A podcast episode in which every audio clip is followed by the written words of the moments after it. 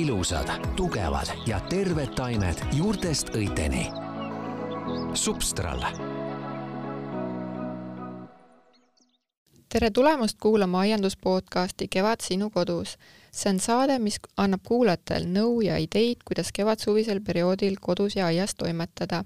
mina olen saatejuht Marii Maiste ning minu tänaseks külaliseks on Substral Eesti aianduskonsultant Ene-Li Käger. Tänases saates tuleb juttu taimede kasvatamisest ning kasvust ja selleks vajalike eelduste loomisest läbi väetiste ning mulla.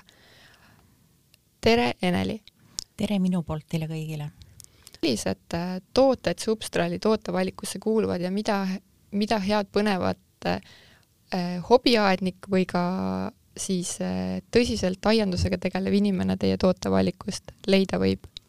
Äh, kui nüüd natuke kaugemale minna, siis tegelikult Substral on hoopis Taani kaubamärk ja pärit aastast kusagil nelikümmend viis hoopis. nii et tal on tegelikult pikk ajalugu, käest on ta käinud ühte ja teise kohta, aga kogu aeg on väetiste puhul olnud eesmärgiks anda võimalikult täpselt taimele kõik toitained kätte, et mitte saastada keskkonda, mulda ja et taim tunneks end hästi. Ja meie soote, tootevalik ongi põhiliselt ikkagi väetised ja niisugune natukene näpuotsaga mulda juurde. kui me nüüd, kui me nüüd räägime sellest, et äh, ilmselt selle viimase aasta jooksul on väga palju lisandunud äh, hobiaednikke ja poti äh, aianduse huvilisi, siis äh, mida peaks silmas pidama üks alustav äh, potiaednik? No ütleme, võib-olla esimene on see, et igasel tavalisel poti või väiksel aednikul puuduvad ju need agronoomilised teadmised.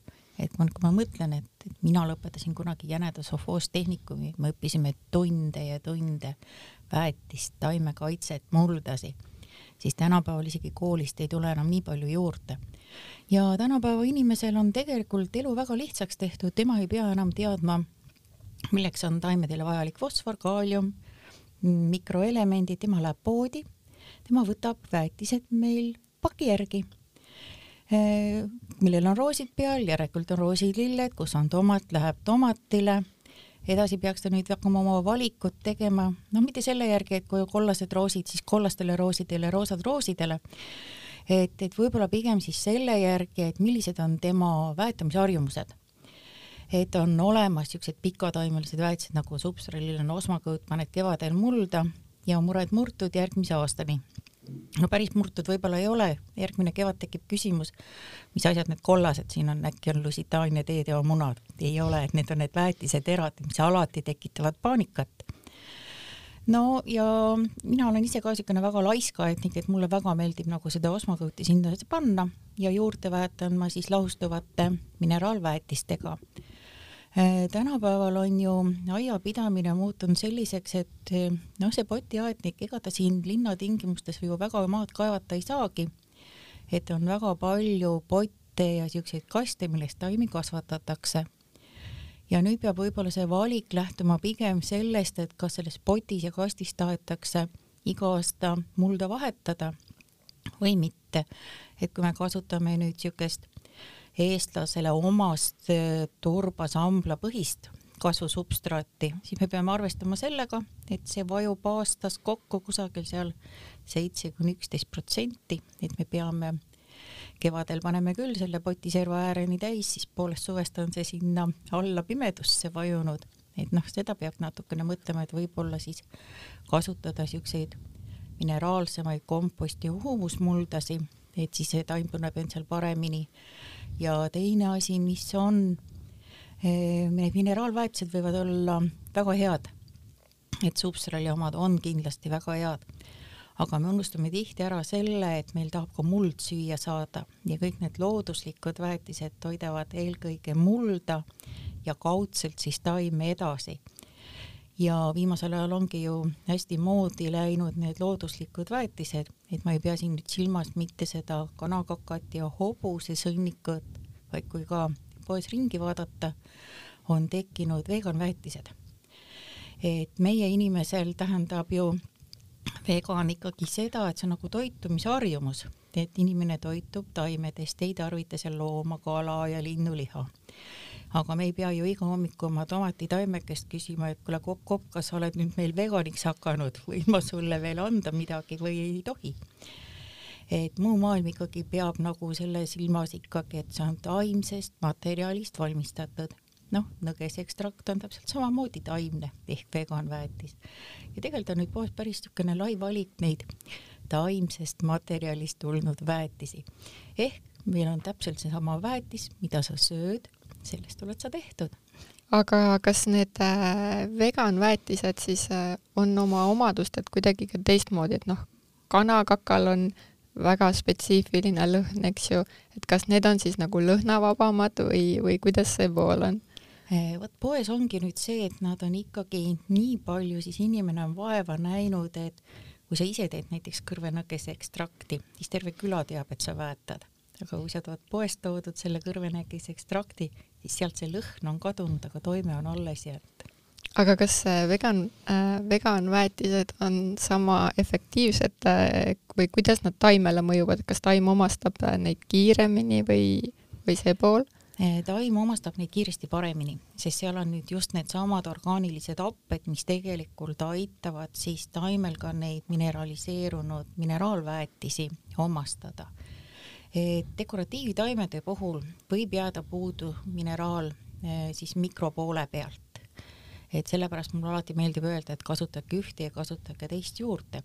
aga kui ma kasvatan ühe suve jooksul selle mulla sees endale ainult salateid või tomateid, siis tegelikult võiks öelda, et et nibin-nabin võib-olla ei tulegi puudu, et saabki hakkama nende taimsete väetistega aga siit ongi hea nagu võtta kohe sõnasabast kinni ja rääkida natukene suvelilledest ja suvelillede väetisest, et suvelilled tõesti on äh, eestlaste seas väga populaarsed, et nad on populaarsed nii äh, potipõllumajanduses äh, ehk siis hobiaednike seas kui ka suurte aednike seas, kellel on need tihti väga, väga lopsakad amplid ja ka lillepeenrad kaetud siis petuuniate või äh, või pelargonidega, et mida pidada silmas suvelillede puhul äh, just väetamise poole pealt, et nad oleks lopsakad, et nad õitseksid terve suvi või, või näiteks kas õitsevate suvelillede väetamises versus äh, siis mit-,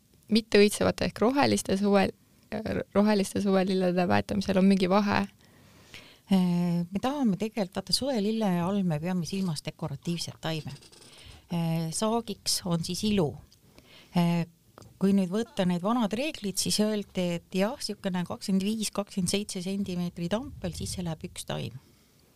kui me võtame nüüd poest need väiksed taimed, siis uskuge mind, parimad mahutavad sinna viis kuni seitse taime, mitte ühe, aga see tähendab seda, et ma pean viis kuni seitse korda rohkem kastma ja samamoodi väetama et kui ma tahan ikkagi, et taim mul sügiseni vastu peaks ja õitseks, väetis juurde, kastmine juurde, tihti tuleme ju töölt koju, taim näeb niisugune nõrk välja, ära kuivanud päikese käes, tuul kuivatab, päike kuivatab, mida me teeme? võtame ampli alla, paneme ämbrisse. muidugi vesi läheb sinna sisse, aga nii vähe ja palju, kui seal veel neid toitained on, see läheb ju vette.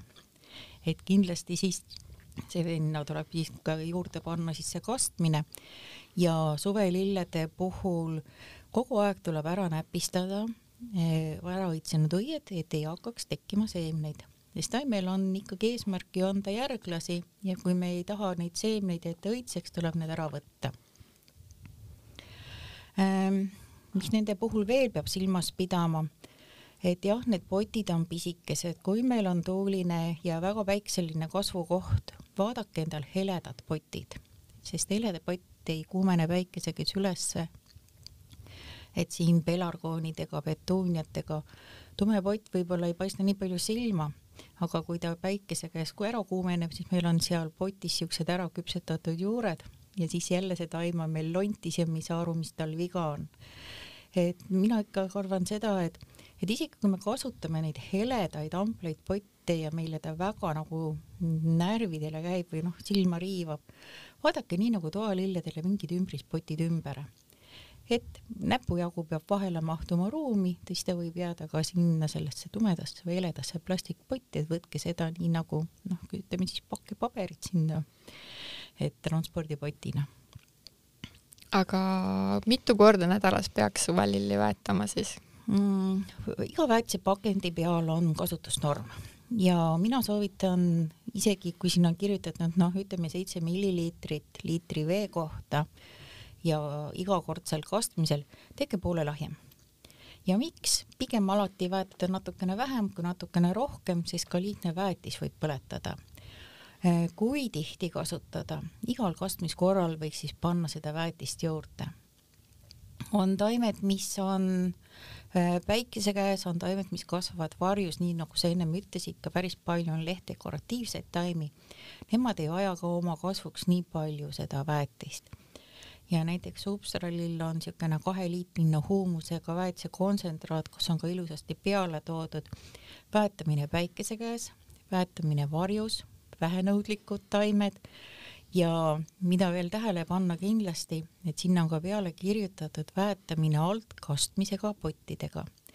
et nii nagu ma ütlesin, hästi keerukas on nii väikses ruumis seda taime kasta, nii et ta kogu aeg märg on, siis need altkastmisega potid annavadki nüüd selle, et mul on seal all salaveevaru.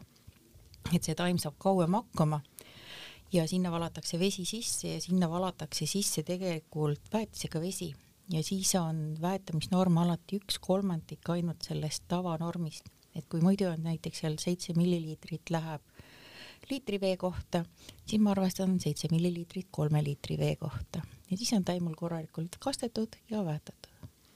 Kas selle jutu põhjal siis me võime järeldada seda, et suvelillade jaoks on paremad äh, just nagu vedelväetised, kastmisväetised?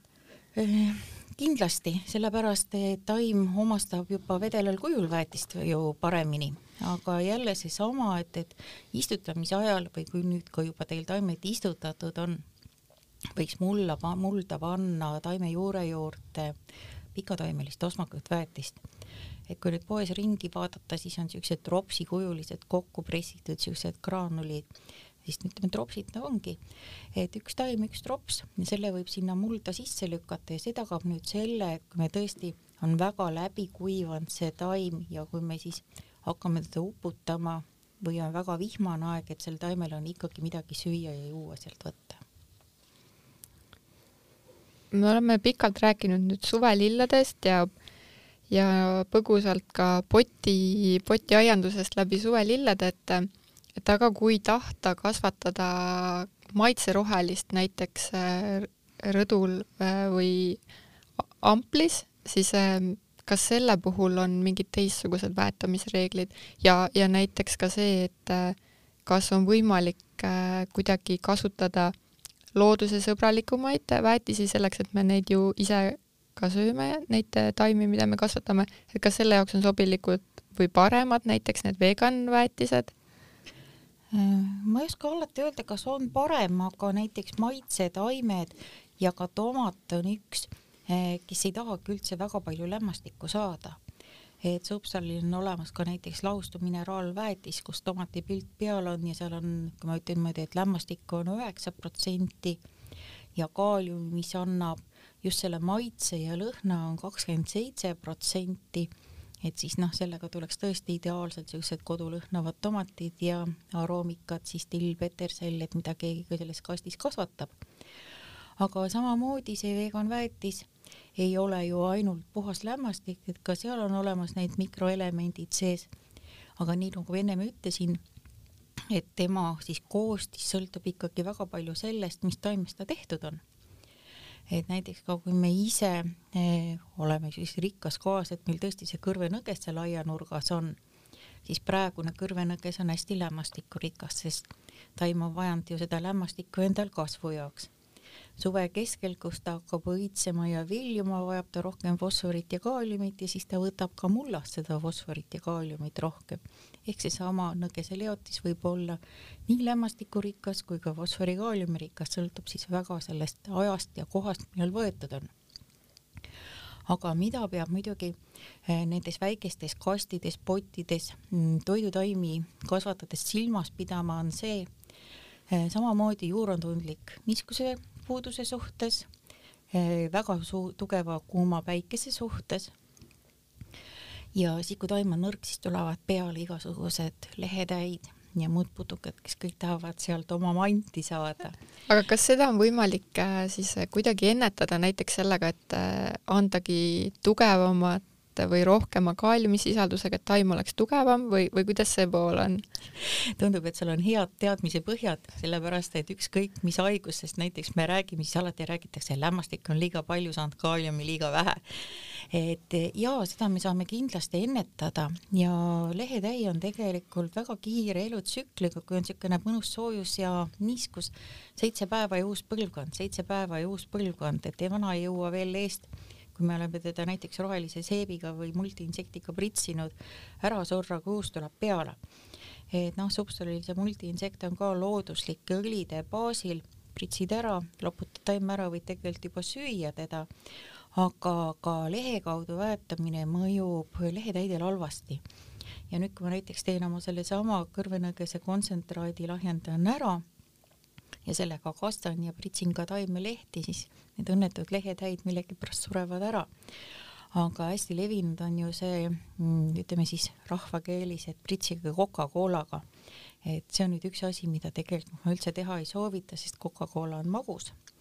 ja siis on mul seal sipelgad ja selle magusa neste peal ei saa taim hingata läbi selle õhulõhed on kinni siis hakkavad seal arenema igasugused tahmseened, et ärge seda tehke, et proovige kasvõi puhta veega, et isegi see aitab paremini. Me oleme väga palju nüüd rääkinud siin sellest potipõllumajandusest, et räägiks nüüd äh, ka sellisest äh, su-, äh, avamaal siis köögivilja ja lillede kasvatamisest ja hooldusest, et millised on peamised erinevused siis potipõllumajandus versus avamaal aiapidamise väetamisel ja ka siis taimede kahjustuste ennetamisel näiteks? et need taimed, mis meil on avamaal ehk avajuur, saab minna, kuhu tema tahab, seal on alati, ma ütlen, niisugune suurem puhvertsoon. ma võin eksida ja taim kannatab tunduvalt vähem kui selles potis. nii et jah, et õppimiseks oleks muidugi lihtsam alati auk maasse kaevata ja taim sinna sisse istutada nüüd sellesama augu kaevamisega tuleb mul meelde see, et ma olen siin nüüd, meil on nüüd kaks aastat ja olnud see, et, et pigem püsime kodus ja aias on ju, ka ringi seikleme. et neid noori aednikke on juurde tulnud, toome poest endale selle istiku, kaevame täpselt selle paraja augu, kuhu see taim sisse mahub. äärmisel juhul vajutame veel jalaga natukene allapoole, et ta noh, niimoodi ei viitsi ju nii sügavat auku kaevata et taimi istutades, kui te toote ka poest praegu endale kurgitaimi või salatitaimi, jälgige, et see mullapall jääks mullapinnaga tasa või pigem mõned millimeetrid allapoole, kui me räägime nüüd köögiviljast. kui me räägime elupuudest, siis noh, elupuuded, elupuud võib istutada kaks-kolm sentimeetrit isegi sügavamale. kui me toome aeda roosi ja elulõnga, siis elulõngal võiks jääda vähemasti kaks lehepaari mulla alla roos meie tingimustes pooke või see vääristuskoht, sest noh, teda silmastatakse ja poogitakse seitse-kümme sentimeetrit mulla alla. mida see annab, see annab meile selle, et kui tuleb üks kehv talv, jääb meil see taim alles, mitte ei sure ära. ja väetamise puhul koduaias, noh, siin ma juba seda roosi nimetasin, aga kõik püsililled, marjapõõsad proovige viia väetis vähemasti kümne sentimeetri, viieteist sentimeetri sügavusele. me oleme kõik harjunud selle, et me toome selle graanuli, puistame mulla pinna peale. Hea on, kui me siis seda segame mingi asjaga, aga ega me seda ka ei tee. ja nüüd juhtub see asi, et me eh, kastame, lämmastik hakkab lenduma ja võib meil taimelehed ära põletada. nii et taim ei saa seda isegi mitte kätte teine asi, mis on, me ei armasta üldse rohida, me paneme taimedele ju multsi alla. kui me paneme nüüd selle väetise selle multsi peale, hakkab see mults hoopis meil lagunema. see on hea soe. taime juur tuleb sinna üles seda otsima. nüüd tuleb külm talv, taime juur kuivab ära, külmub ära, kui tuleb kuivaperiood, siis ta kuivab ära. lisaks sellele on see mults ju hea soe koht, kus meil need koledad lusitaania teod saavad olla et, et kellel on ikkagi need piirkonnad, võtke see mults taime ümbert ära. ja selleks, et taime juur ei tuleks pinna peale seda süüa ja juua otsima, tehke taime juurde ulatus, mis jääb siis võra piirile, näiteks puudepõõsaste puhul eh, osmakõuti on väga lihtne kasutada, kolmekümne, neljakümne sentimeetrised vahed, auk sisse, väga head on need võilille juurijad ilusasti mm. -hmm. lähebki see viisteist sentimeetrit ja jagasege see vajalik väetis sinna vahedesse ära ja osmakõut on siis selline väetis, mis ei põleta taimejuuri. ja selle põletamisega tuleb mul meelde see, et, et lemmikloomad meie aias, meil on ju koduaedades praegu ja kodudes hästi palju neid pisikesi toekoeri, kes on ju Nad on ju armsad, nad ju klähvivad ja hoiavad meid ja rõõmustavad iga asja pärast, aga nendel tõukoertel on üks kurb omadus, nende seede, organid ja kõik on muutunud aretuskäigus nõrgaks, mis tähendab seda, et enamus koerad on ju meil dieettoidu peal, kas on siis soolasid vähem. ja kui ta avastab, et see väetis on soolane, siis ta hakkab neid lakkuma ja sööma, et ma tean siin päris palju mürgitusjuhtumeid ja seal ei ole nüüd vahet, kas ta sööb nüüd seda kanakakagraanulit, mis on ju looduslik või võtab seda mineraalväetist. siis näiteks õliga kaetud, noh, seesama vaigukestaga osmakõut, see neelab mulla alla.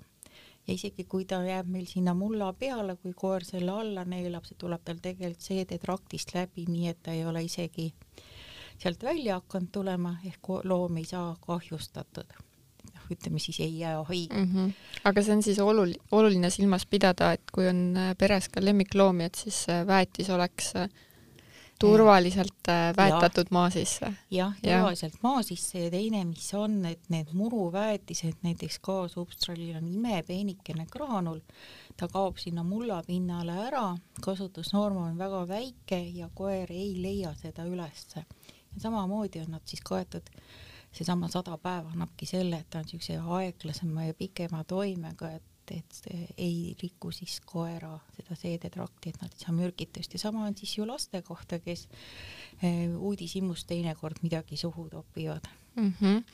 E haaran jälle sabast kinni ja muru väetamine, et noh, muru hooldamine on, ma arvan, päris hea väljakutse igale aednikule, et kord on ta palju võililli, kord on ta kidur, kord ta põleb päikese käes ära. et kuidas seda muru edukalt väetada, et kas kevadel või peab seda tegema regulaarselt? kas muru hakkab väga kiiresti kasvama, kui seda väetada ja tuleb siis ka niitmist tihendada või kuidas sellega on? nojah, ega see niitmine meil ju tänapäeval väga moes ei ole. Need vanaaegsed, mina ütlen, need suured hallid graanulid, mida poes müüakse, on ju kevadväetise nimel väga palju ja siis on need püsiväetised. Ehm, kuna meil ei ole muru puhul eesmärk ju lehmale ja lambale heina teha, siis pigem kasutada vastavalt vajadusele neid püsi- või aeglase taimega väetisi ja ükskord ma arvan, et täiesti piisab, kui kasutada niisugust noh, nii nagu supsulil on sada päeva muruväetis, on siin püsiväetisi veel. et ei ole vaja edasi siis panna ka sügisväetist ega noh, mitu korda väetada, sest aeg ju maksab ka meil midagi.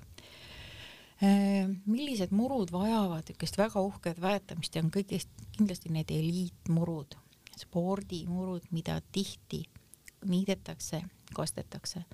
tavaline koduõuemuru kui ta on ilus, tihe, noh, maakohtades on ju need murukamarad meil ikka väga väärtuslikud ja tihedad. ma arvan, et siis, kui hakkab muru hõredaks muutuma, no see on mingi kolme-nelja aasta tagant võib-olla on paras teda väetada. samas, kui on niisugused liivased paepealsed maad, kus on kuivus ja kõike seda, et sellised murud vajavad ikkagi iga aasta väetamist ja põhjus on väga lihtne nõrgem annab järele ja tõenäoliselt on see siis muru kõrreline, mis järgi ja tekib annab. asemele umbroht ja. ja, ja kuna loodus ei salli tühja kohta, on seal kas siis võõlill või kohe sammal. Ja siis me hakkame jälle võitlema ja võitlema ja võitlema, et tegelikult ei peaks olema aiandus mingisugune meeletu võitlus, et me peaksime oskama teda tegelikult nautida. No jah, võib-olla ei meeldi see võilill seal sees, no ma võin teda siis ju selle noa otsaga välja lõigata ja kui te nüüd selle noa otsaga lõikate, noh, neid juurijaid on ka olemas, siis proovige mitte sügavamale minna, vaid just niimoodi kusagil sinna pool sentimeetrit mulla pinna pealt ta läbi lõigata. et siis me kurname selle taime ära.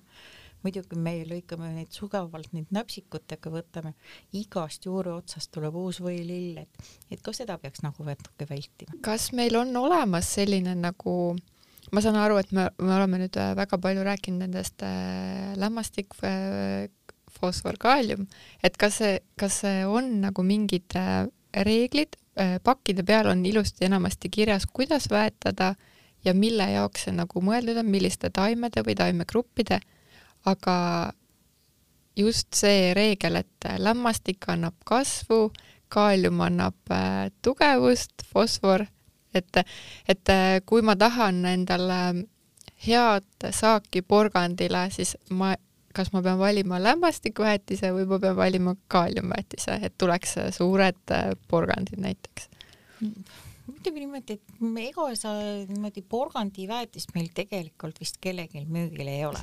Okay. et sinna läheb, kasutatakse tavaliselt siukseid looduslikke väetisi, mis on huumusrikkad, et nii väga mineraalväetiseid jah, tõesti porgandipildiga ei ole aga väetamise puhul on tõesti, et, et kes annab üles, kes annab alla, kunagi oli väga tore, et levivad siin need eh, sarsid või siis joonistused, kus kaks jänest on, ühel on siis ilus porgand, mis alla kasvab, teisel on niisugune roheline malts seal ainult üleval. et noh, selle järgi, aga hästi lihtne on, kui te lähete poodi ja kui te nüüd tõesti olete tublid ja pöörate selle paki teistpidi, siis sinna on kirjutatud NPK jah, seda on nagu väetisjuhend seal, et väetada neljapäev, pühapäev, kolmapäev. tegelikult on see siis see fosfor, kaalium seal peal ja lämmastik ja tasakaalustatud väetisel võiksid need numbrid olla ühesugused. ehk on ta, on ta siis üks, üks, üks või kümme, kümme, kümme või kakskümmend, kakskümmend, kakskümmend, et need on reeglina siis need tasakaalustatud väetised, kus taim saab kätte kõik, mis on vaja, sõltumata siis sellest, kas ta peab kasvatama alla või peale. et niimoodi on võib-olla jah, kõige lihtsam siis vaadata seda kui nüüd äh, kuulajatel tekkis huvi äh, minna kohe poodi ja varuda endale see väetiste valik koju, mi-, millega siis sel kevadsuvisel hooajal toimetada, siis mida ta võiks võtta selline keskmine aiapidaja?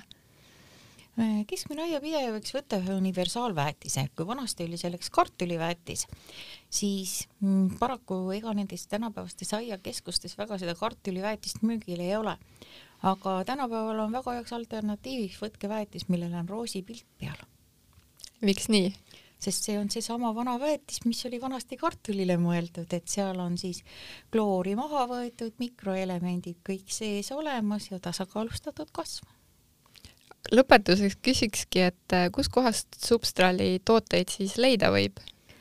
Äh, tegelikult me oleme vist peaaegu üle Eesti ja kõikjal olemas aiakeskustes niisugused äh, lihtsamad põhiväetised on olemas ka nõndanimetatud toidupoodides, Prisma, Selver, et et tegelikult me oleme üpriski kättesaadavad ehituspoodides ja kõikjal ja kellel on küsimusi, siis äh, võib minna ka Supsala Eesti kodulehele, et meil on olemas Facebookis oma grupp ja on olemas ka supsal.ee siis lausa koduleht, kus saab siis helistada, küsida, kui on probleem.